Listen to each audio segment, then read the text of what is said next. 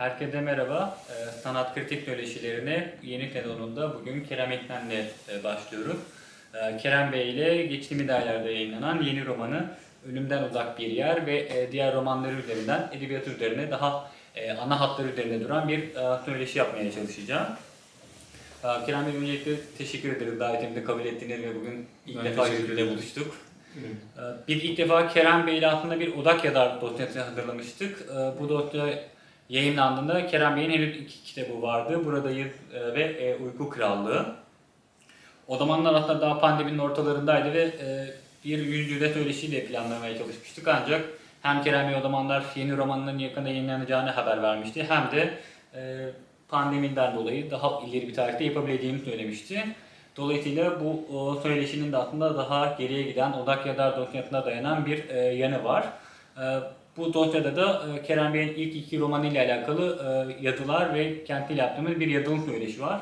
E, orada da aslında edebiyatına dair farklı metinler üzerinde durmuştuk. Belki o da bu söyleşiye doğru bir yol olarak e, daha sonra bakılabilir bir metin olarak görülebilir. E, bu küçük hatırlatmadan sonra aslında ben biraz sizin edebiyatınızdan bahsederek ilk sorumu sormak istiyorum.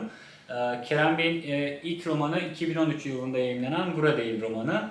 E, ikinci kitabı ise e, 2017'de sanırım yanılmıyorsam yayınlanan e, Uyku Krallığı. E, İkisi de oldukça ilginç metinlerdi. Buna artık üçüncü bir halka olarak da geçtiğimiz aylarda Ölümden Uzak Bir Yer eklenmiş oldu. Benim zaten ilk burada dikkatimi çeken şey aslında bir sizin e, yazarlık serüveninizin aynı zamanda bir romancılık serüveni olması. E, çünkü bunlar birbirinden e, ayrılması gereken e, meseleler bir yandan benim için. E, çünkü bir romancının e, düşünme pratikleriyle herhalde bir şairin veya öykücününki çok daha farklıdır veya farklı türlerde kalem oynatan bir yazarınki daha farklıdır diye düşünüyorum. Sizin aynı zamanda işte bir felsefe geçmişinizin olduğunu da biliyorum. Bu da bence hem bu roman hem de edebiyatınız bağlamında üzerinde durulması gereken bir konu.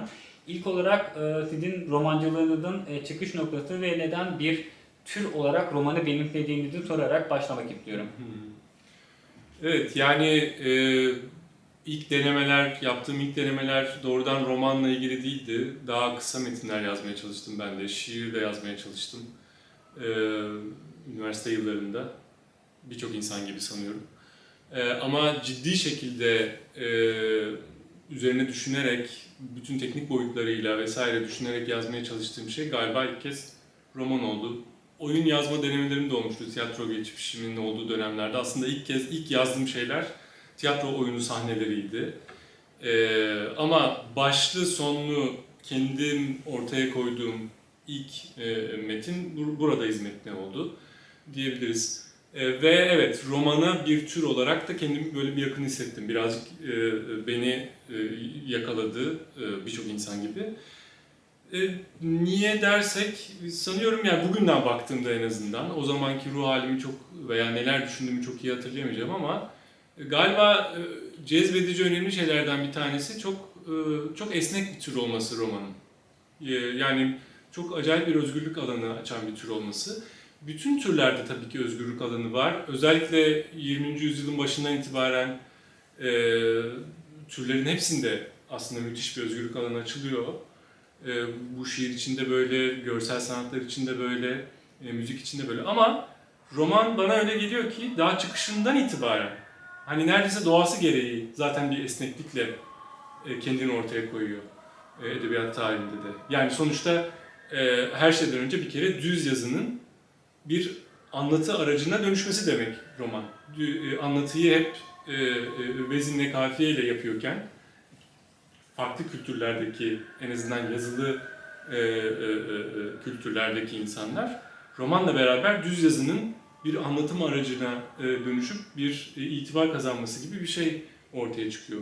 E, en azından bunun yaygınlaştığını görüyoruz romanla birlikte. E, zaten bunun kendisi bir doğrudan bir esneme, bir esneklik, bir alan açılıyor. Uzunlukla ilgili, e, ses kullanımı ile ilgili, e, uslupla ilgili. E, dolayısıyla böyle bir çok e, bu, bu esneklik bir kere çok bana benim hoşuma gidiyor. E, bu esneklik şunu da getiriyor beraberinde. Romanda yeni bir şey denemeye çalıştığınız zaman e, bu radikal bir şey bile olsa kendinizi bir boşlukta bulmuyorsunuz gibi geliyor bana. E, çünkü roman tarihi her zaman esnekliğin ve denemenin tarihi olduğu için e, mutlaka ayağınızı basacağınız öncelerden birileri, bir takım ustalar e, oluyor. Bunun bir avantaj olduğunu düşünüyorum. Yani yani karşılaştırmam gerekirse mesela görsel sanatlarda e, bu biraz daha meşakkatli ve krizli bir süreç olarak e, e, yaşandı. Hani Batı sanatı tarihi üzerinden konuşuyorum tabii burada. Yani işte ne bileyim avantgard, modernist avantgard akımlarda hani işte atıyorum şeyin e, temsilin ve figüratif resmin külliyen reddi. Manifestolar, sanat kurumunun reddi. Bir yani devrimci atılımla her şey ortaya çıktı ve bir bu sürekli bir kriz ve krize cevap şeklinde e, gelişti. E, romanda da aynı dönemde büyük devrimci atılımlar yapıldı diye düşünebiliriz ama onlarda hep bir takım ustalar vardı. Yani ne bileyim James Joyce e, yazarken kolaylıkla e, örneğin herhalde e, Tristram Shandy'yi düşünebiliyordu yani. E, ya da işte Virginia Woolf çok yeni tarzlar ortaya koyarken ama bir yandan günlüklerine bakıyoruz en sevdiği yazarlardan biri Tolstoy. Yani Tolstoy hani klasik romanın artık böyle e, sembolleşmiş ismi gibi bir şey. Pekala oradan da e, rahatlıkla esinlenebiliyordu. Bu, bu esneklik e, ve böyle bir bunun böyle bir gelenek, açık bir gelenek olması e, galiba beni çok cezbediyor ve e, aslında buradayız yazmaya da kendimi ilk kez bir geleneğin içinde hissedebilecekmiş gibi gördüğünde e, yeltenebildim. Yani roman geleneği diye bir şey var. Bu Türkiye ile sınırlı değil, Batı ile sınırlı değil. Tabii ki çok önemli örnekleri Batı'da gelişmiş falan ama artık öyle bakmak zorunda da değiliz. Ee, şey krizi yaşamak zorunda da değiliz. Ee, birazcık öncüllerimizin, önceki kuşakların yaşadığı, işte doğudayız ama nasıl batılı bir türde yazacağız.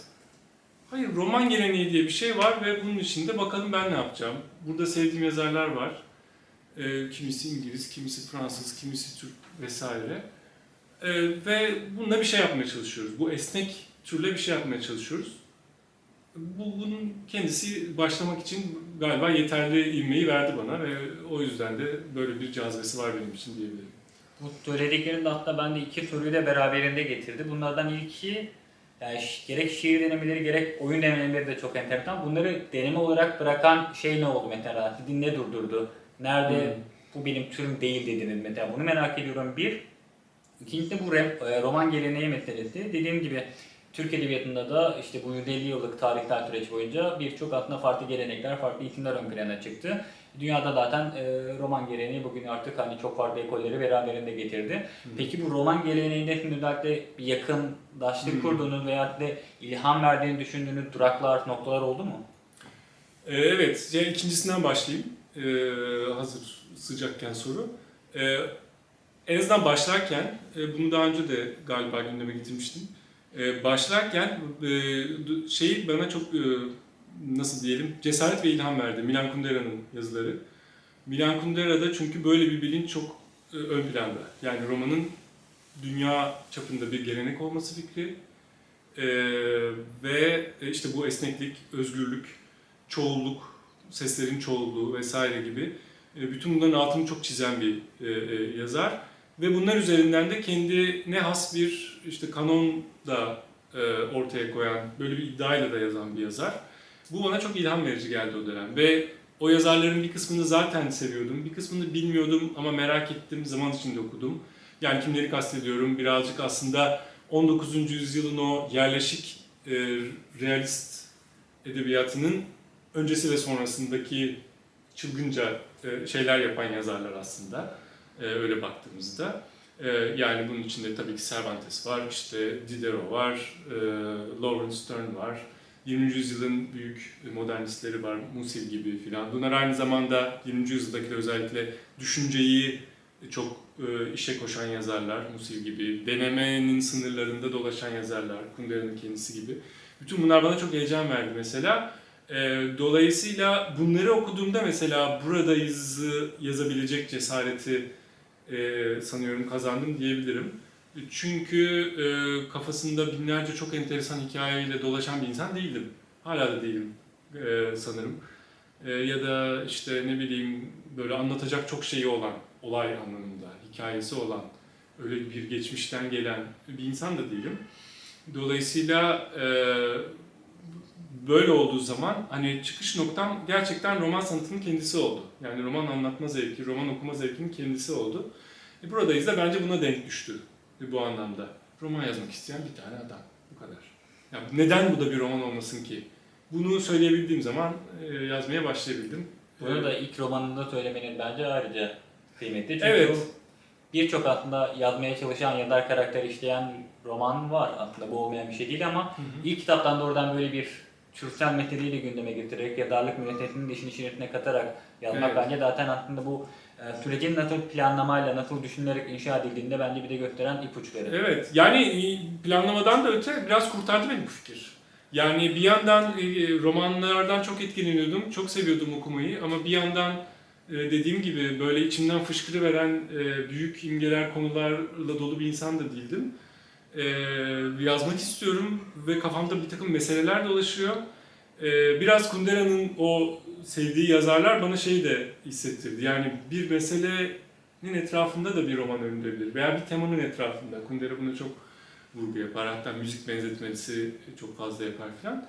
Böyle bunun üzerinde "Ay bir dakika yani ben sonuçta roman yazmak isteyen bir adamım yani bu, bu ülkenin bu noktasında. O zaman neden böyle bir şey konu etmiyorum? Ama böyle yavaş yavaş böyle kayarken buldum kendimi. Bu bir e, açılım sağladı. Diğer sorumuza gelirsek yani diğer türlerden neden e, devam etmedim? E, ikisi için farklı cevaplarım var yani şiir ve tiyatro. Şiirde yani hiçbir zaman böyle bir şiirle insanların karşısına çıkmak bana yapılabilir bir şeymiş gibi gelmedi yani. Ya da ben şairim demek filan. Ee, ve bunu çok fazla da gerekçelendiremeyeceğim yani neden böyle düşündüğümü. Ee, dönemimizle de alakası var belki bunun. Yani kendimi gerçekten yani buradayız da Selim'in konusu biraz havada roman ruhu yok. İşte nasıl roman yazılır ki bu dönemde gibi bir e, soruydu. Ben bunu şiir için çok hissettim o dönemde yani bir yani ne alaka şimdi falan gibi neredeyse. Bunu yani çok iddialı bir şeyle söylemiyorum. Böyle teorik bir altyapıyla söylemiyorum. Tamamen o zamanki hissiyatımla ilgili söylüyorum. Dolayısıyla hiç düşünmedim bile, gündeme bile gelmedi benim için. E, tiyatroda aslında tamamen e, böyle çekmecelerde kalmış bir konu değil. Tiyatroda aslında yazdığım şeyleri oynadık. O zaman bir gruptaydım, Seyyar Sahne grubunda. 2008'e kadar sürdü. Biraz böyle benim yazdığım ama kolektif olarak da e, şekillendirdiğimiz oyunlar, e, iki oyun o zaman yaptık. Dolayısıyla aslında ilk böyle adımın yazar diye geçtiği şeyler bunlar oldu. E, sonra bir tane kendi başıma da bir oyun yazdım ama mesela o tamamlanmadı bence ve o kaldı. Tiyatro pratiğimin aslında o grup, yani tiyatro pratiğimin sona ermesiyle o da sona erdi. Ee, öyle o, o pratik sona erince de durduğum yerde böyle tiyatro oyunu yazayım diye bir heyecanım kalmadı. Hala da çok yok açıkçası. Ee, bilmiyorum bir gün olur mu. Ama şu anda pek gündeminde olan bir konu değil mesela. Hı hı. Ya burada mesela benim şey de dikkatimi çekti. Madem bu kadar tiyatrodan da biraz bahsetmiş olduk. Zaten ikinci romanında da bir şair karakter var. Yani Evet. o konuda yazıyla e, ilişki hep devam ediyor. Mesela sizin kitaplarındaki diyaloglar meselesi benim e, Hı. dikkatimi çekiyor. Sizin metinde de doğrudan akan işte alt alta işte konuşma şeklinde ilerleyen diyaloglar yok. E, daha bloklar halinde bunu biraz sonra daha da açacağım diye düşünüyorum. E, gayet insanların bir şeyler anlattı ama aynı zamanda bilincini de görebildiğimiz ve e, karşılıklı bütün bir diyaloğun tek bir paragrafta aslında bir tür özetlendiği veya onlara farklı Hı. şekillerde sözlerin verilerek gündeme Evet. getirildiği bir yapı var. Dolayısıyla diyalogları oluşturma biçimini de bu anlamda merak ediyorum. Çünkü bu benim için dikkat çekici ve ayırt edici de bir mesele. Ve hiç tiyatral değil. Evet. değil. aslında. Evet doğru. Ee, belki tiyatronun negatif bir etkisi var burada. Bi- bilemiyorum. Ama şunu çok net söyleyebilirim. Yani neredeyse böyle içgüdüsel olarak bir kitabı elime aldığımda bir romanı elime aldığımda çizgi konuşma, çizgi cevap, çizgi gördüğümde biraz yani bu galiba benim kitabım değil diyorum. Hala da böyleyim yani. Ee, sebebi ne bilemiyorum. İşte tiyatronun etkisi şey olur belki. Çok fazla kafamda belki kompartmanlar ayırdım ve bu tiyatronun yapacağı iş gibi görüyorum. Aslında diyalog dinamiğini çok seviyorum. Yani tiyatroda bunu iyi yapanları mesela Harold Pinter'ı çok severdim. Beckett'i çok severim filan. Ee, yani oradaki dinamik çok müthiş etkileyici. Ama sanki romanın işi bu değil gibi geliyor bana. Yani romans, romansal anlatım başka alana, olanakları olan e, bir alanken bunu yapmamalı gibi geliyor bana. E, bunda galiba şunun e, etkisi de var. Yani romanın işte blok dediniz ya böyle bir sesin her yere sirayet ettiği bir şey olması lazım gibi geliyor bana. O sesin kendisi çünkü beni metne bağlayan şey. Halbuki diyalog seslerin kendileri olarak çıktıkları bir bir anlatım biçimi. Ee, bu, bu bana pek cazip gelmiyor. Yani e, romanda beni beni cezbeden şey, sevdiğim yazarların da büyük bir kısmında o kesintisiz sesin kendisi. Konuşmalar da onun içinde. Yani e, mesela bu konuda şöyle bir örnek de aklımda vardır yani e, düşündüğüm. Mesela John Berger'ın e, galiba üçlemesinin bir zamanlar Avrupa'da galiba o, o şey köylüler üçlemesinin sonuncusuydu galiba. Mesela o kitapta diyaloglar var çok ama kesme çizgilerini kaldırmış diyalog çizgilerini. Sadece onda ve de galiba öncelerinde var.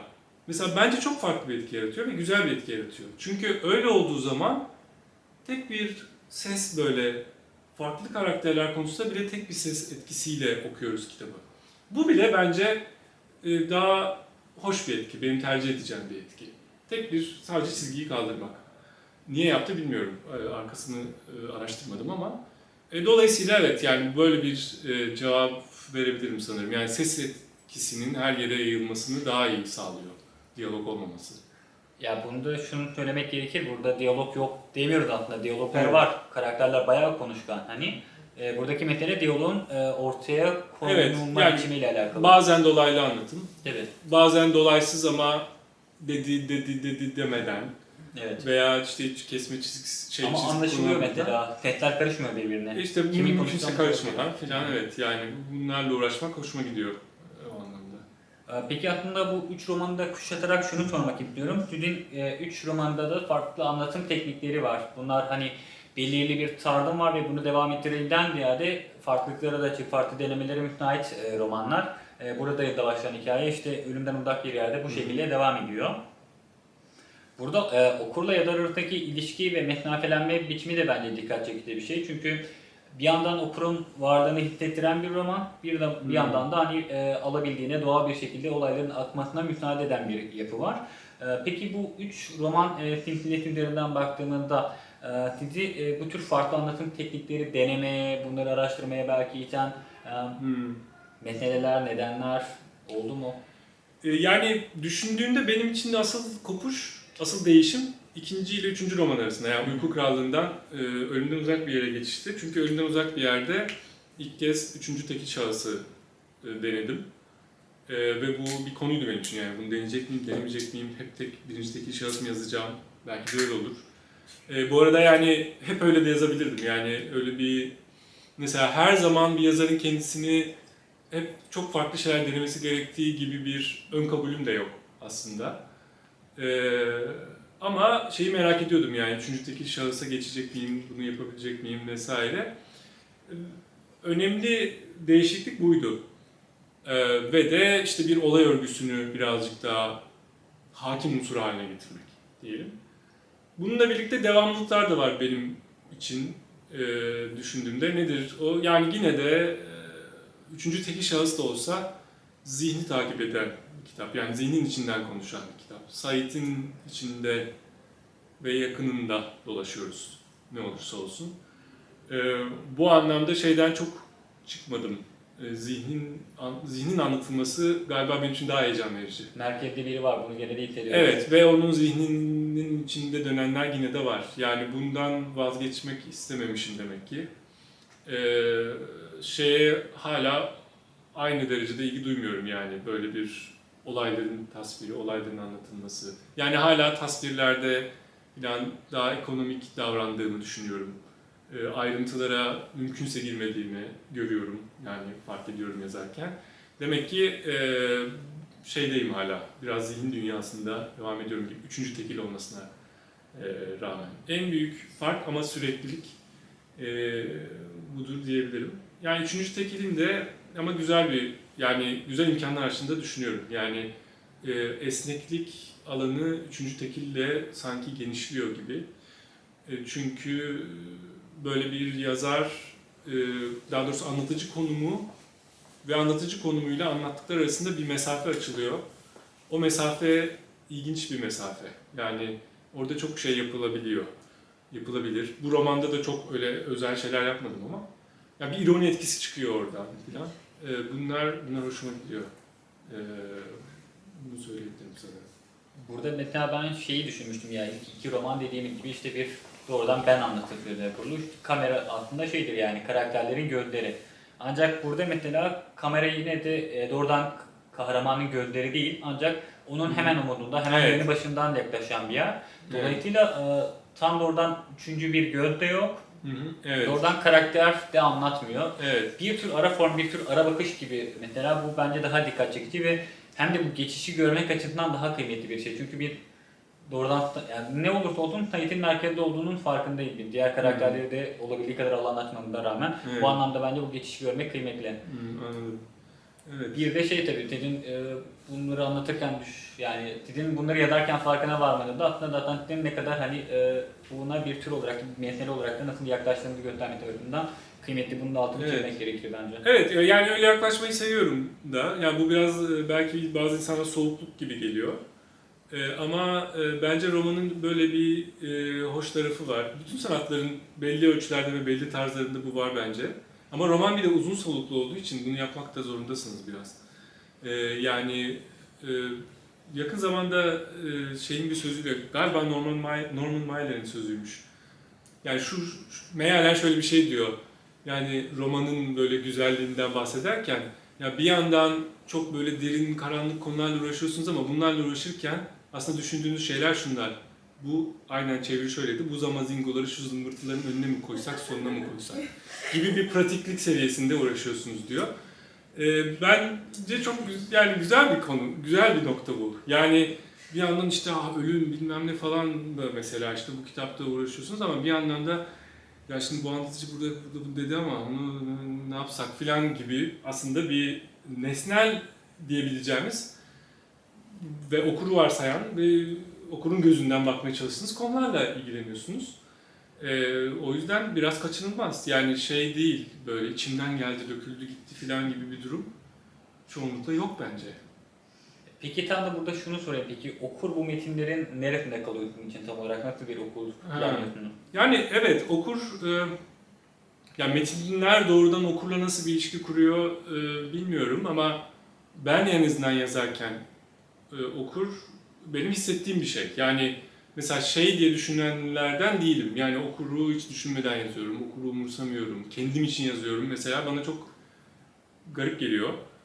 Çünkü e, yazma ve de özellikle de roman yazma yani belli bir türe türün bilincinde olarak e, dedik ya ya da işte belli bir geleneğin uzantısında yazıyor olmak falan. Zaten doğrudan sizi böyle bir sizin dışınızda nesnel bir dünyayı açıyor.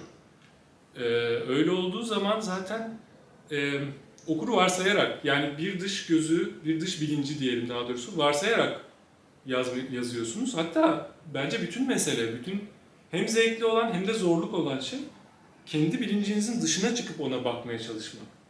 Yani e, bir gece önce, bir gün önce yazdığınız şeyi ertesi gün okuduğunuzda bütün mesele aslında onu ilk kez gören bir okur gibi okuyabilmek. Ve tabii ki bunu yapamıyorsunuz. Ama yapabilseniz birçok şeyi görebileceksiniz. E, görebildiğiniz kadarını görüyorsunuz, göremediğiniz kaçıyor vesaire. O yüzden bence zaten okuru varsayıyoruz. Yani e, aksi takdirde e, bu uğraştığımız şeyle bu, bu şekilde uğraşmazdık gibi geliyor bana. E, ha ama okur derken de kim bu? Yani büyük harfle okur diye birisi mi var? Hani yani bu işte seçim anketlerindeki seçmen var ya hani mesaj veriyor filan. Öyle bir okur mu var? Yok aslında tabii ki. Ee, bu bir yerden sonra e, daha somut insanlara da dönüşüyor tabii. E, tanıdığınız birileri oluyor. E, çoğunlukla arkadaşınız oluyor. E, özellikle en başta tabii ki.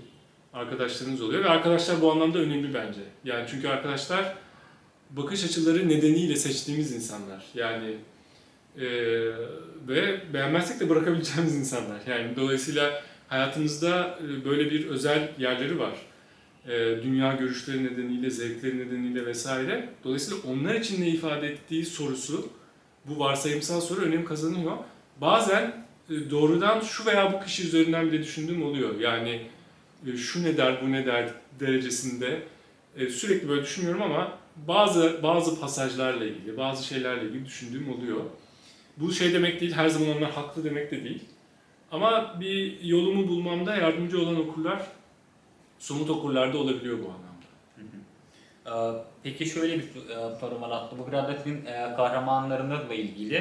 E, İşte ilk romanı Burada Burada'yı da Selim, ikinci roman Uyku Kralı'nda Fikret. Burada özellikle Yusuf karakteri mesela bende dikkat çekiyor. Bütün bu kahramanlar bir anlamda da işleri çığırından çıkartmaya, işte yazara da karşı gelmeye. Çünkü dediğim gibi bu metinlerde e, okur ile yazar arasında bir tür ilişki de var. Kahraman arasında da, kahramanla yazar arasında diyaloglar var yani. Bu tür konuşmalar var. Ee, Bu kahramanlar da bence çığırından çıkmaya, metni alıp başka bir yere sürüklemeye çok müsait e, karakterler. Buradan yola çıkarak şunu sormak istiyorum. Bir romancı ne zaman karakterinin savrulmasına, e, anlatının beklenen akışından çıkarak başını alıp gitmesine izin verebilir? Bunu ne zaman ve nasıl yapabilir? Evet, şey, e, karakterler kendi kendilerini yazdırmaya başladılar bir yerden sonra falan denir ya. Yani e, karakterlerin bu karakter olarak böyle bir e, otonomileri olduğunu na çok inanmıyorum aslında. E, yani bu şu anlamda ama yani biz her zaman onları kontrol ediyoruz de değil. Konu bizimle karakterler arasında geçmiyor bence roman yazarken. Ya edebiyat, genel olarak edebiyatta. Konu bence bizimle dil arasında geçiyor. Yani dil malzemesi buradaki. Çığırından çıkacaksa bir şeylerde, çıkıyorsa bazen, bu bazen çok e, güzel bir sürpriz de olabiliyor size. Planladığınız bir şey planladığınız gibi gitmiyor ama planladığınızdan daha iyi gidiyor. Ya da yeni bir kapı açılıyor filan. Böyle anlar yaşanıyor ve bu çok güzel oluyor. Keşke hep yaşansa diyorsunuz ama o kadar yaşanmıyor benim için. Ee, ama oradaki bence çığırından çıkartan şey birazcık oradaki dil deneyimi daha çok. Yani karakterin kendisi değil. Karakter de belki onun üzerinden bir yerlere açılıyor. Konuşma bir yerlere açılıyor. Diyalog başka yerlere gidiyor ama bence yani bizden büyük olan şey yazarken dilin kendisi, karakterler değil. Ee, o anlamda karakterler, evet bunun ikinci etkileri olarak e, bunu ya- yaşıyorlar e, diyebiliriz. E, bu anlamda öyle bir öznellik atfetmiyorum pek e, karakterlere. E, çığırından çıkıyorlar gibi görünüyorlarsa güzel. Bazen de çünkü fazla mı kontrol altında tutuyorum diye de düşünüyorum aslında. E, buradayız mesela tekrar okuduğumda yeni baskısı için bazı böyle kaçırılmış fırsatlar da gördüm kendimce. Yani daha böyle bir daha ces- cesurca bıraksaydım kendimi falan dediğim. Ee, öyle bir tarafı var ama bence orada yine de dediğim gibi konu esas dil ve düşünceyle ilgili bir şey. Karakterin kendisiyle değil. Peki bu anlamda karakterleri bir törpüleme oluyor mu veya metni okurken tekrar işte bu bunu yapman fazla ileri gitmişim gibi değişiklikler söz konusu oldu mu mesela? Ee, ya tam olarak böyle bir denetim yaptığımı zannetmiyorum. Yani karakter tutarlılığı denetimi gibi bir şey değil o. Ee, şeyi de çok hatırlamıyorum mesela romanların ilk okurlarını en çok onlarla konuşuyorum sonuçta. Hani bu karakter bunu demezdi, bunu yapmazdı türü şeyler çok fazla hatırlamıyorum. Bu karakter daha çok gelişseydi, bu karakteri daha iyi tanısaydık dendiği oluyor. Ee, ama ve hak da veriyorum bazen. Ee, ama şeyi hatırlamıyorum yani böyle bir tutarlılık denetimi. Ona yani o konuda biraz şeyim, çekincem var. Yani karakter çok da fazla e, bağlı kalmamamız gereken bir kategori galiba. Ee, yok çünkü karakter çok fazla bir de tutarlılık fikrine ve devamlılık fikrine hapsediyor. Ve aslında hiçbirimiz öyle değiliz. Ve öyle olmadığımız zaman ilginç hale geliyoruz. Ee, o yüzden de çok da e, o, o, o kısma bakmamak lazım gibi geliyor bana şimdi düşünürken. Peki aslında üç romanı gene kuşatarak e, şunu da gündeme getirmek istiyorum. E, kahramanlarının da kahramanlarının hayatını yansıtma biçiminde de benim dikkatimi çekiyor. Bu kahramanlar mesela gündelik hayatın çok fazla içerisinde e, kadınlar da ev işleri yapıyor, erkekler de işe gidip geliyor. Yani işte son romanda işte çocuk varsa çocuk bakıyor, onun belini değiştiriyor, nazar boncuğu. Ya bu tür detaylar mesela bende e, farklı bir etki yapıyor çünkü belirli romanlarda mesela gündelik hayatın aslında günlük hayatımızın bir parçası olan işte çalışma hayatı, okul hayatı, kişisel ilişkiler bunların göz ardı edildiğini ve çok fazla gündeme getirilmediğini düşünüyorum. Mesela çalışan karakter ben pek hatırlamıyorum. Hmm. Çoğu roman kahramanı aylak olabiliyor mesela ilginç bir şekilde. Sanki e, bir tür çalışma zorunluluğu yokmuşlar gibi, hayatlarının bir bölümü orada geçmiyormuş gibi veya Hmm. bir iş çevresi, bir başka sosyal çevre var olamazmış gibi işte içine çok dönük. Mesela bu belki dönemde de alakalı olabilir bilmiyorum. Bu tür mesela şeyler düşünüyorum. Sizin kahramanların da gündelik hayatta tamamen kuşatılmış karakterler. Bir yaşama telaşları var ama Hmm. öbür taraftan da hayatlarını idame etme telaşları da var. Burada Hmm. işte Said karakteri mesela hem kendi geleceğini nasıl kurması gerektiği maddi anlamda düşünürken öbür taraftan işte Yusuf ya bu çocuk ne olacak hani haftaya girdi artık başından neler geçti bu çocuğa ne yapacağını ne verdiğim çocuğu tutmadık gibi. Hmm. Aa, gayet maddi, gayet e, kişisellikten uzak belki evrensel diyebileceğimiz şeyler de e, bize gösteriyorlar. Ya burada ben gene bilinçli bir tercih ve e, hayata dokunan, hayatın içerisinden bir net bir anlatı olduğunu düşünüyorum. Mesela e, bunu hiç düşünüyor musunuz? Böyle bir şey yok mu? Yok da bu kendiliğinden baştan beri böyle gelen ve böyle kurgulanmış bir şey mi? Yani biraz kendiliğinden geliyor galiba. Metnin doğal akışı, doğal bir akışa sahip olması için bu- buna ihtiyaç duyulduğunu galiba hissediyorum ya da bunu yapan yazarları seviyorum herhalde. Galiba şöyle bir tarafı var. ya, Şimdi düşünürken, konuşurken düşündüm. Yani gündelik hayat dediğimiz şey o hepimizin biricik ve e, bazen çok e, yüce, romantik, kendimize gömülüp e, kendimizle dolu o dünyasının gelip çarptığı yer. Çarptı ve dağıldığı yer ve orada hepimiz aynıyız. Yani e, dahice fikirleriniz olabilir masa başında otururken ama sonra çıkıp siz de metrobüse binersiniz. E, veya hadi zenginseniz arabanızda o trafiğe çıkarsınız yani. Ve orada orada bir bir çarparsınız ve dağılır orası. O çarpıp dağılma anı çok önemli bir an ve bence roman açısından bu, bu deneyimin kendisi çok önemli. Roman buna bakıyor bence büyük oranda. Yani hiçbir şeyin ideal olmadığı, yüce olmadığı, tartışılmaz olmadığı, hiçbir şeyin biricik olmadığını bize göster gösteren bir tür çok. Yani bunun çok örnekleri var romanda sonuçta. Ee, şimdi aklıma mesela buna güzel bir örnek olarak şey geldi. Yani Tolstoy'u severim ben de. İşte Kreutzer e, Sonat kitabında mesela e, şey sahnesini hiç unutamıyorum bu açıdan. Ve Tolstoy'un bence büyüklüğünü gösteren bir şey. Tolstoy özel olarak komik bir yazar falan değil. Ama mesela karakter, e, yani konuyu çok az hatırlıyorum, konuları unuturum genelde ama karakter mesela romanın en can alıcı sahnelerinden birinde galiba işte karısının peşinden koşacakken ne oluyordu yani pantolonu mu düşüyor, pantolonu mu çekemiyor, takılıyor, düşüyor mesela. Yani bu çok çok güzel bir şey. Yani çok ciddi bir meselesi olan büyük dramlar ve trajediler yaşayan bir karakter anlatıyor oraya kadar. Fakat o karakter gelip işte o pantolonun şeyine takılıyor yani. Bunu bu bu bir dünya görüşü bence. Ve e, bu sahiplenilebilecek bir dünya görüşü gibi geliyor bana. E, romansal açıdan. O yüzden hoşuma gi- gidiyor. Ya aynı şeyi ben mesela şeyde de düşündüm işte Uyku Kralı'nda da burada da var. Ya burada özel bir hayat yok. Burada Sait'in başından geçenler de Yusuf'un hayatı da gayet sokakta duyduğumu ya bunu mu yani kitabın konusunda dışarıdan baktığımda ya bunu mu anlatmış bunu zaten biliyoruz hani bilmediğimiz bir şey yok aslında. Hmm. Buradaki bütün mesele aslında bildiğimiz bu hikayenin, sonu baştan bildiği bu hikayenin bir de anlatılma biçimi, tekniği ve dilsel yapısıyla alakalı.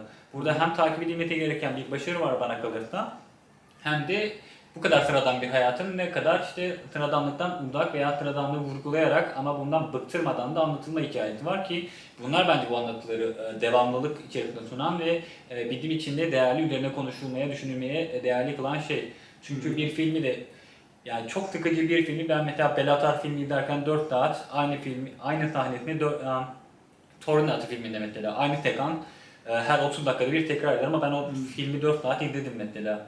Ne değişti 35. dakikada bıraktaydım. Ama Soru zaten soruyor insan. Evet. Evet. o film zaten. ama sonuna geldiğimde de yine bir de bir tekrar, bir de bir başarı, bir de bir e, alışkanlık, bir de bir düşünce uyandırıyorsa bu da zaten yönetmenin amacına hizmet ettiğini gösteriyor. Bu anlamda bence bu kitapları bu çerçeveden de sıradanlığın e, belki sıra dışı bir şekilde sunulması bakımından da e, bakılması, değerlendirilmesi gerekir diye düşünüyorum.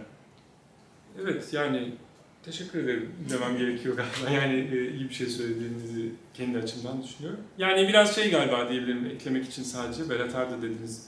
Yani dok- dokusu oluşuyor bu metnin. O dokunun bizi içine alıyor, götürüyor olması lazım. Ee, o zaman edebiyat ilgi çekici bir şey haline geliyor. Sinemada da öyle belki. Yani e, onu onu seyrediyoruz aslında. Bu bazen sabır gerektirebiliyor. Berat Han örneği iyi bir örnek. E, ama eğer şeyse o işlerse eğer o e, o doku bir etki geçirirse de sonunda da ödülünü alıyoruz okur olarak, izleyici olarak. Kesinlikle. Evet. Belki buradan biraz da artık e, ölümden uzak bir yer üzerinden hem edebiyata hem de bu kitaba bakarak devam etmek iyi olabilir. E, bu kitapta aslında e, üç kuşak da diyebiliriz ama aslında bütün hikaye e, esas baba Sait ve onun oğlu Yusuf arasında. E, roman perdesinde zaten Sait'in babasını kaybettiği sahneyle açılıyor. Daha sonra biz Sait'in e, baba olma hikayesini ve babanın babalığın sorumluluğu üstlenme veya yer yer bundan kaçmaya çalışma e, denemelerini görüyorum. E, sonunda da ortaya çıkan ürünle hem yüzleşmesi hem belki bundan yer yer pişmanlık duyması hem de e, ben bundan olacağını biliyordum hissiyle e, söylediği şeyleri e, görüyorum. Ancak burada e, yine hem dili, dil konusuna dönerek e, e, başlamış olayım. E, burada aslında e, anlatıcı ve dili kullanma biçimini hem çok bloklar halinde ve gayet bir paragraf, bir sayfa akabiliyor. Bu Yapı Kredi'nin kitap font e, biçimine de çok uygun. Alışır buna zaten. Özel olarak. Evet. E, bütün sayfa akan, e, hiç kesintiye uğramayan, hiç araya diyalog girmeyen, e, hiç kısa cümlelerin yer almadığı bir anlatım biçimi var. Mesela bu özellikle bu romanın e, dilini kurarken e, diğer romanlardan farklı bir şey yapayım denemesi oldu mu yoksa bu böyle geldi mi yoksa hayır bu zaten benim şurada devam ettirdiğim bir dil miydi dediniz mi? Hmm. Yani şeyi konuştuk zaten, yani üçüncü tekil şahsa geçiş e, orada bir bilincim vardı ama onun dışında e, galiba şey yani demin dediğim gibi bir kitapçıda elime bir kitap aldığımda ortasından açıp okuduğumda böyle bir cümlenin başlayıp beni bir yerden bir yere götürdüğünü ses olarak e, hissetmek hoşuma gidiyor. Ha, bu benim kitabım olabilir diyorum o zaman. E, cümle tavrı olarak, paragraf kuruluşu olarak e, birazcık onu burada da tercih ettim galiba. Yani o anlamda evet üçüncü tekil şahıs, evet olayın daha ağırlıkta olduğu bir kitap ama e, benim hissiyatım en azından e, cümle ve ses yaklaşımı açısından diğer kitaplardan çok uzak, alakasız bir, bir şey değil. Bir yerde değil. E, bunu söyleyebilirim e, ve bu şeyi de içeriyor. Dolayısıyla diyalog kullanımı e, vesaire gibi şeyleri de e, içerdiğini söyleyebilirim. E, evet yani aklıma gelen şey bu. Yani anlatım tarzı e, açısından. Onun dışında biraz tabi bu şeye daha yakın bir kitap. Ben ona hmm, şey diyorum kendi kendime. E, böyle şu oldu bu oldu edebiyatı diyorum. Yani sürekli şu oldu, şuraya gitti, buraya geldi falan filan. Hatta buradayız da bunun ufak bir parodisi de var. E, daha doğrusu ufak bir gönderme de var buna. Yusuf Atılgan'a göndermeyle. E, bu bazen çok sıkıcı olabilen bir şey. E, birazcık da o sıkıcı olan şeye biraz daha yakın bir kitap oldu bu. E, çok olay anlatımı olduğu için. E, ve bazen de yazarken çok fazla şey oldu ve çok fazla şeyin olduğundan bahsediyorum acaba diye kendi kendimden sıkıldığımda oldu. E, ve bunu engellemeye çalıştım. E, bunu diyebilirim. Yani üçüncü tekil ve olay merkezli anlatıda benim için zorlayıcı ve e, kaçınılması gereken şey biraz e, bu. E, çünkü roman şeye dönüşüyor aksi takdirde. Bir yerlerde bir olaylar var ve bir de yazar onları anlatıyor gibi bir iki boyut açılıyor. Halbuki hepsi bir arada bir metinde ve bir seste geçmeli gibi geliyor bana. Diğeri sanki sinemanın işte metne aktarılmış hali gibi e, bir şey oluyor. Bu, bu, bu bence şey, romanla yapılabilecek en e, sıkıcı şey yani günümüzde. O yüzden ondan e, bir şekilde kaçınmanın anlatısal stratejilerini bulmak e, gerekiyor. Biraz onun, onu bulmaya çalıştım diyebilirim. Peki e, bir diğer mesele benim dikkatimi çeken şey bakmak ile bakış arasındaki fark. Yani bu kitapta hem kahramanlara çok yakından baktığımız e, anlar var hem de e, kahramanların çevrelerine dair, birbirlerine dair çeşitli bakışlar attığı anlar var mesela. Bunlar benim çok dikkatimi çekti mesela. Çünkü belirli olay örgüleri tamamlandığında başka bir olaya geçerken veya bir daha yakın gelecekte veya uzak bir gelecekte e, var olabilecek bir tür trajedi atıf yapılırken hep bir bakış var. Mesela e, burada mesela Neşe'nin abisine, daha doğrusu kardeşine dair aklı bir bakış mesela. Sanki bana hem onun e, o babalık meselesine uğrayacağı trajediye bir atıf gibi geliyor hem de sanki kendi hayatına dair, kendi hayatının acınası haline dair bir tür e, atıf gibi geliyor. Benzer şekilde Yusuf'un mesela baba Sait'e çeşitli bakış fırlattığı anlar var. Bunlar da sanki o baba Hmm. oğul ilişkisinin olmadığına, olamayacağına dair bir Hmm. acıklı habermiş gibi geliyor mesela bu. Çünkü e, özellikle buralara baktığında doğrudan bir bakış atma hali var yani. Doğrudan bakış kelimesi geçiyor. Doğrudan hani Hmm. böyle bu tür kurulmuş bir sahne var mesela. Siz bu bakmakla bakış arasındaki farkı, bunu nasıl işlediğiniz ve bu bakışların sizin için e, değerli bir karşılığı anlamı var mı? Ee, yani bu farklılık üzerinden düşünmemiştim. Ee, ama bakışlar, e, o bakışların anlatılması erken bir aşamada devreye girdi. Başta düşündüğüm, konu ilk belirdiğinde düşündüğüm bir şey değildi bu.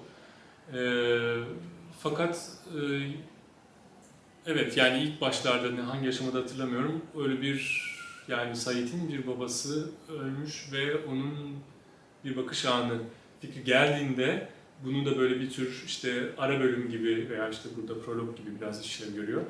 Ee, düşündüğümde böyle hemen arkası geldi çünkü bakış tabii ki çok etkileyici bir şey. Yani e, bakış e, sonuçta hmm, yani zaten üzerinde edebiyat tarihi boyunca yazılan, yazılmaya çalışılan bir şey, sırrını ermeye çalıştığımız bir şey. Bir sürü anlamlar barındırıyor, çözmeye çalışıyoruz. Bir kısmı söze geliyor ama tam olarak onu ifade etmiyor. Çok zengin bir malzeme. Burada ben şey de düşündüm mesela e, özellikle bu bakışların biraz son bakış olması Walter Benjamin'in son bakışta aşk yani son bakışta Hmm. kilitlenen bir şey var. O son bakış hep ilk bakıştan bahsedilir işte biraz da son bakışın verdiği bir ağırlık da var burada bana kalırsa. Bazılarında e, yani özellikle ilkinde, köpeklerde e, bu var e, doğru. E, köpekler yani bu arada hayvanlar tabii burada yani hayvanların bakışları özellikle bence etkileyici bir tema çünkü hayvanlarda bakışlarının ötesine geçemiyoruz. Yani e, özellikle beraber yaşamaya alışkın olduğumuz yani özellikle kedileri ve köpekleri kastediyorum. E, bu çok ilginç bir deneyim oluyor. Göz göze bakışıyoruz Bazen bir duygu verir mesela bir kedi. Yani sanki ağzını açıp bir şey söyleyecekmiş gibi ve söylemez onu. Yani e, o, o söylememe hali bizim için çok şey. Bazen yani bence çıldırtıcı olabilecek bir şey ve e, hayvanlarla kurduğumuz ilişkinin marazileşmesinin bir parçası da bununla ilgili. Yani o iletişimi dile getiremiyoruz. E, ama bakış orada. E, bir sürü şey ifade ettiğini düşünüyoruz. Belki buna vehmediyoruz filan. E, bu e, bu anlamda bakış böyle verimli bir şey. E, yani ve de bu romanda ne oldu? Bakış teması belirince o bir e, tematik çatı kurmaya başladı yavaş yavaş. Sonra aralarda da bu özellikle çocuğun bakışları vesaire üzerinden böyle romana yavaş yavaş e, yayılmış oldu. İşte doku dediğim şey biraz bu tür şeylerle yapmaya çalışıyor insan. E, böyle bir işlev kazandı e, e, zaman içinde. Yani çünkü bu bir light motif olarak da okunabilir mesela o bakış anları yani bunu ben Evet. baştan bilseydim mesela özellikle bütün bakışları not almak isterdim ancak Hı hı. işte belirli bir noktada bunu anladığında Hı hı. mesela o uyanış anında Evet. tabii oradan sonrası için bakabiliyorsun. O yüzden benim özellikle dikkatimi çekti bu hı. konu. Ee, Burada e, az önce dilden de bahsederken aslında şunu da sormak istiyorum. Ee, Sayit, yani bu roman dediğim gibi e, üçüncüye bakışa daha yakın bir e, anlatı kuruyor. Ancak bu romanda bir karakterin kendi hayat hikayesini kendi gözünden, kendi sözleriyle anlattığı tek bir bölüm var. Bu da hem o baba oğul arasındaki ilişkiyi bir de tüm çıplaklığıyla göstermek hem de işte o kuşak farkı diyebiliriz buna. Bu, bu baba oğul arasındaki çatışma diyebiliriz veya hayata doğrudan iki kahramanın, iki kişinin ne derece farklı baktığını gösterebilmesi açısından diyebilirim. Ee, Bir sahne var, bir mektup var. Hı hı. Ee, Yusuf'un hapishaneden babasına yazdığı ve kendi hayatının e, aslında önemli noktalarını işaret ettiği mektup. Burada ilk defa bir kahraman e, hikayesini kendi adından ve bu kadar uzun bir şekilde anlatıyor ki burada Yusuf ana karakter de, değil dediğim gibi merkez adında Hı. daha çok Sayit var.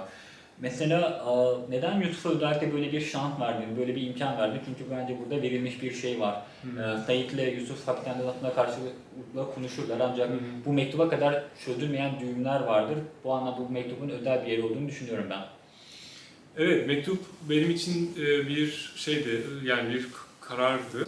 Aslında biraz teknik bir ihtiyaca cevap verdi bu. Yani e, teknik bir meseleye cevap ararken mektup fikrine geldim, onu söyleyebilirim. O da neydi? Ee, zaman atlamaları olan bir anlatı bu sonuçta. Çok uzun, bazıları çok uzun olan zaman anlatıları ve o uzun zamanda bir sürü önemli şey oluyor ve bunların bazıları da hikaye için önemli. Yani anlatmak istiyorum onları. Ee, bunları sıkıcılaşmadan anlatmak bir meseleye dönüşüyor bu tür zaman anlat e, e, şeyleri olduğunda. Çünkü o zaman şunu yapmak zorunda kalıyorsunuz. İşte atıyorum 5. bölüm başladı. 4 ile 5 arasında da 15 sene var. 5. bölümün başında uzun uzun o 15 senede neler oldu? Şu oldu, bu oldu diye. İşte şu oldu, bu oldu edebiyatı yapmaya başlıyorsunuz. Ve bunu denedim. Yani böyle bir şey yapmaya başladım. Yani olmuyor, şey olmuyor. Bunu ilginç hale getiremiyorum. O, o metin onu kaldırmıyor gibi e, geldi ve o zaman e, yani bunu acaba Yusuf'un ağzından anlatmak nasıl olur fikri teknik bir fikir olarak geldi. Ama teknik bir fikir bence sadece teknik bir fikir olarak yaşayamaz zaten. E, sırıtır ya da.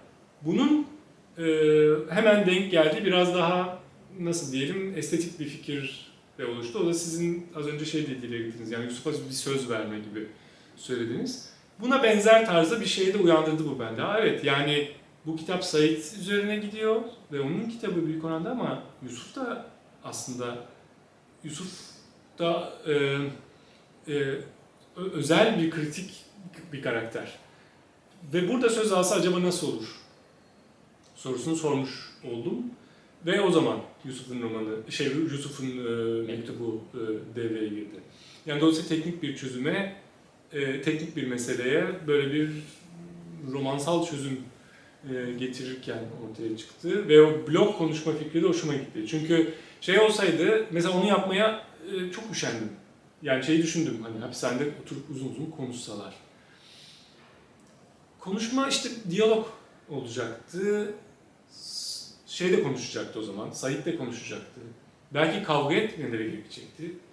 Ve konumuz o değildi yani. O olmasını istemiyordum vesaire gibi. Böyle e, arayışlardan e, mektuba evrildi ve bir yine bir sesin uzun uzun konuştuğu bir şey e, ortaya çıkmış oldu. Evet. Ondan kaçıp bunu bence daha isabetli ve daha inandırıcı olmuş. Evet, böyle bir tarafı var. İkincisi de e, o mektuba kadar aslında e, ben kendi kafamda şeyi düşünmüştüm yani bütün olayları evet Tayyip'in kafası yani kafasından onun zihninden görüyoruz ancak yani bir türlü olayları da anlayamıyorsun aslında. Yusuf'un hala e, Tayyip'in penceresinden baktığında neden böyle yaptığını anlaşılmıyor. Burada bir boşluk vardı. E, o mektubu bu boşluğu doldurmak da bence bu anlamda kıymetli.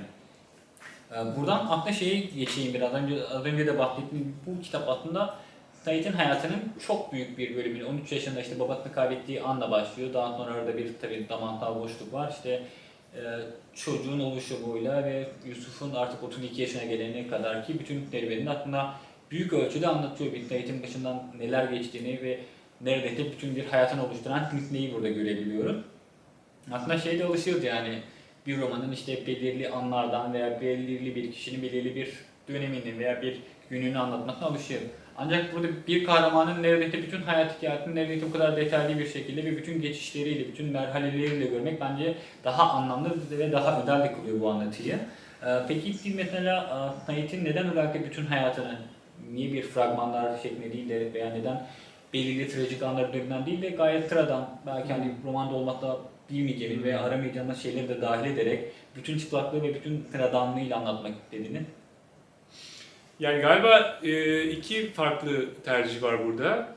Sıradanlık, sıradanlığı yansıtma tercihi var bir. İkincisi hayatının çeşitli dönemlerine girme tercihi var. Bu ikisi ayrı ayrı da ele alınabilir galiba. Çünkü dönemselleştirmeye baktığımızda yani evet Said'in bütün hayatına dokunuyoruz ama aslında çok asimetrik bir şekilde dokunuyoruz. Bu bir Said'in hayatını anlatan bir roman değil bu anlamda. Çok büyük boşluklar var e, arada.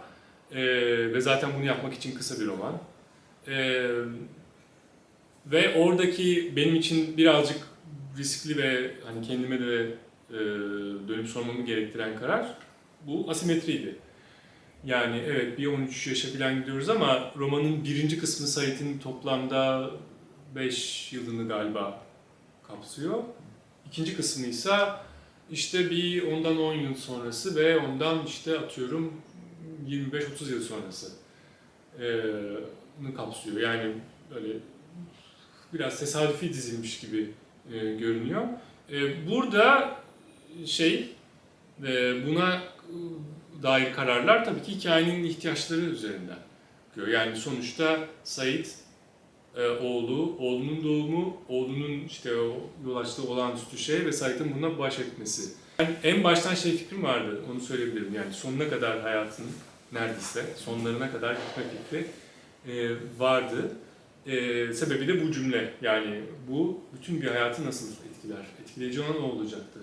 Beş, çocuk 5 yaşındayken bu romanı bitirmek başka bir roman olacaktı. Yani benim fikrim aklımdaki o değildi. Ama tabii bunu da dediğim gibi çok seçici, belli dönemlere fokuslanarak e, yapmaktı aslında fikir. Böyle böyle oluştu. Aslında burada şey de zaten önemli. O aradaki yılları vermiyorsun ama Said'in hayatında zaten o kadar sıradan ki bir de oradaki yıllarda neler olduğunu çok anlayabiliyor. Zaten o küçük ipuçları da oluyor önemli bir kırılma olduğu tabına dair. Ancak evet. onlarda da çok aradığının bir soru veya cevap yok. Çünkü romanın gidişatından, her şeyin ne kadar sıradan olmadığından, hayata ne kadar bağlı olmadığından çok da büyük değişiklikler olmadığını anlayabiliyoruz bu anlamda. Evet, tabii. Sürprizlerle dolu bir hayat değil o anlamda. Hı hı. Ee, batıl inançlar medeniyetine gelmek diyorum. Burada aslında bayağı batıl inanç da var. İşte nazar boncukları var, muskalar var, hocaya gitme ki bunu işte okumuş etmiş bir kadın olarak e, ömrün yapmaktan ayrıca vurgulanır da zaten. E, bu mesela bence çok enteresan bir şekilde bayağı hani romanda gene tekrar eden bir tem gibi ara ara işte hocaya gidilmesi, işte mutkalar, mutkaların e, Sait'i deli, deliye döndürmesi bir anlamda. Ömür'ün işte yer yer e, ne diyelim e, bir tür sözlü tacize uğraması bu konuda. Hmm. E, benim dikkatimi çekti. Mesela bu kadar çok batıl inançları bu romanda işlemeye, kullanmaya yönlendiren özel bir neden veya düşünce oldu mu? E, yani konunun kendisi e, biraz ister istemez buralara geldi galiba. Yani çünkü sonuçta çok büyük bir olaydan bahsediyoruz e, başta olan. Ve tabii kendi kendime şunu sorarken buldum. Yani böyle bir olay yaşasak ne yaparız? Aslında bunu hiçbirimiz tam olarak bilmiyoruz. Bunlar hani bunlara bunlar olmasa sanki roman çok ikna edici olmayacaktı gibi gelmeye başladı erken bir aşamada. Ve bunlarla uğraşmak e, biraz benim için şeydi de hani böyle çok kolayca bunları yazacağım bir e, şey e, birikimim de yok. Deneyim birikimim de yok. Yani çocukken dedemle bayram namazına gitmiş bir çocuk değilim mesela filan. Dolayısıyla bu, bu da böyle bir meydan okuma gibi de hissettim. Ya bunu yapabilecek miyim bakalım diye. O yüzden bu bununla uğraştım yani ve şey bence olması gerekiyordu. Şey e, konusu yani hani okumuş dediniz ya okumuş bir kadın olarak bunları yapması bence bu büyük bir gerilim değil. Yani bence e, yapar insanlar. Yani okumuş olup olmamak orada bence çok büyük bir fark yaratmıyor. Ee, yani en basitinden burçlar konusu, fal, gündelik şeylerden başlayarak zaten herkeste belli düzeyde böyle bir merak var ve bu bazen çok rahat şeyde varıyor yani bu konuda bazı e, tecrübelerim var kendi hayatımda da. Yani ben gitmedim falcıya ama evet, biliyorum yani. Gidiyor insanlar yani. Bu o anlamda çok beni şey düşündürmedi yani ömür falcıya gider miydi? Ee, gider canım. Yani, bu durumda gider. Gider. gider. Hele yani öyle bir olayda hepimiz gidebiliriz bence. Ben burada şeyi de çok merak ediyorum mesela özellikle romanda işte çok trajik bir olaydan bahsediliyor falan ne olacak falan diyorsun. Çok bir ölüm haberi bekliyorsun. Çok trajik büyük bir kaza bekliyorsun. Aslında yaşanan şey çok anlık ve hani bir anlamda ömrün hüsnü kuruntusu olarak da gör, görülebilecek bir olay mesela. Bu kadar basit bir olayın bu kadar e, trajik içerisinde derin anlamlar barındıran bir e, hadiseye evrilmesi de bence çok kıymetli. Çünkü bütün bilimler, bütün real dünyanın sarsılması ve bir anlamda yıkılıp yerine başka bir şeyin inşa edilmesi süreci var. Bu zaten Said Ömür arasındaki karakter farkına da işaret eden bir konu.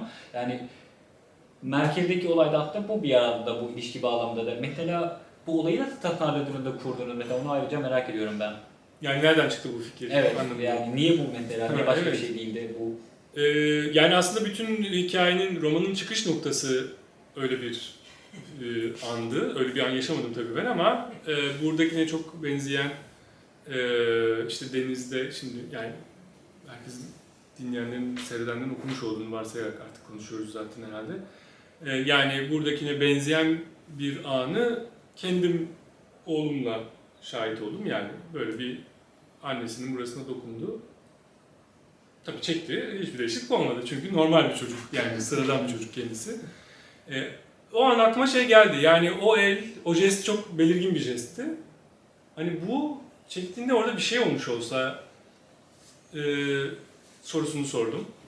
Sorarken buldum kendimi. Tabii bu e, sorunun tek başına kendisi değil, bir karakteri yapabilecekleri asıl romanın konusunu oluşturuyor bence. O bunun çok böyle verimli olduğunu e, fark ettim. Yani o, o sıradan hayatın içinde böyle bir yeni bir şeyin girmesi, yeni bir e, seviyenin e, girmesi ve tabii ki o seviyenin tekrar girecek olması beklentisi ister istemez. İlk çıkış noktası buydu. Yani ve bunun bir karakteri bir yerden bir yere götürebilecek böyle dinamik bir fikir olduğunu, doğurgan bir fikir olduğunu düşündüm. O yüzden biraz peşinden gittim. Önce bir hikaye olabilir diye düşündüm falan falan ama bir romana kadar e, evrildi. Dolayısıyla zaten o anın kendisi e, idi esas e, çıkış noktası. E, çünkü e, evet yani mucize böyle bir şey. Yani her şeyi allak bullak eden, etmesini beklediğimiz bir şey. E, ve bir kez olup da bir daha olmazsa ne olur sorusu. Aslında asıl benim için e, bunun romana evrilmesini veya hikaye veya romana evrilmesini sağlayan şey oldu. Sadece bir kere olursa bir mucize ne olur? Yoksa hayatımız artık mucizelerle yaşıyor olsak e, peri masalı gibi bir şey yazıyor oluruz belki. Ama bir kere olur ve bir daha olmazsa ne olur sorusu ilgimi çekti. Ya zaten daha sonra Yusuf'un da hani hayatında yaptığı değişiklikler, anlatan bu hikayeyi dinlemesi evet. ve hani hayatından aldığı intikamette bu soruyu daha da anlamlı kılan bir şey. Çünkü burada artık belirli bir noktadan sonra Ömür'ün e, oğluna dair yüklediği büyük misyonlar, büyük anlamlar var ve Yusuf'un da bir noktada bu anlamlara verdiği karşılıklar var. İşte evet. yaptığı iş, bir tür şifa dağıtıcı Hı-hı. haline gelmesi bu anlamda bence şey o sürerliliğin de kendi içerisinde e, bir devam olarak görülebilir. Evet. Yani bu bir yönüyle dolayısıyla şeye de bağlanıyor. Baba oğul veya anne oğul teması. Hı-hı. İşte çocuklardan bir şeyler beklememiz vesaire temasına da bağlanıyor.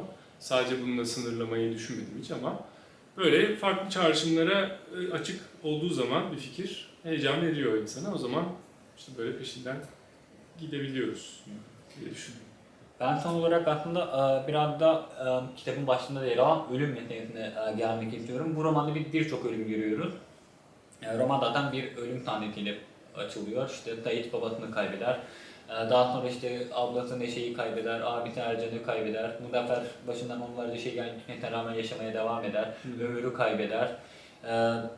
Yusuf'un zaten Yusuf'tan sonra hapte girer, başından türlü olaylar geçer. Ee, ancak e, ölüm hiç e, kaybolmayan bir ince olarak hep varlığını yakından hissettirir ve e, Sait'in hayatında da büyük trajedilere veya büyük e, ne diyelim kayıplara e, gebedir. E, bu romanı hem e, bu açma hikayesi, bu kadar tartışılı bir sahneyle neden açmak istedim? Çünkü bu ölüm sahnesinden hemen ardından bir doğum sahnesine geliyor aslında. E, Yusuf'un evet. e, doğumu devamında eder. Ee, bu ölüm meselesine değinmek istiyorum. Ee, birincisi hem bu ölümden uzak bir yer neresidir? Yani Yusuf'un gittiği o Balkanlardaki köy müdür? Yoksa daha felsefi bir noktadan mı yaklaşmak gerekir bu meseleye? Ee, ayrıca ölüm neden bu kadar kuvvetli bir imge olarak bu roman üzerinde? Çünkü diğer romanlarda bu kadar güçlü bir imge değil bu. Evet. Neden ön plana çıktı için? Evet, daha önce pek kimseyi öldürmeye cesaret etmedim. Yani buradayız da baba ölümü var ama o da yani çok böyle neredeyse sıradan diyebileceğimiz bir şey.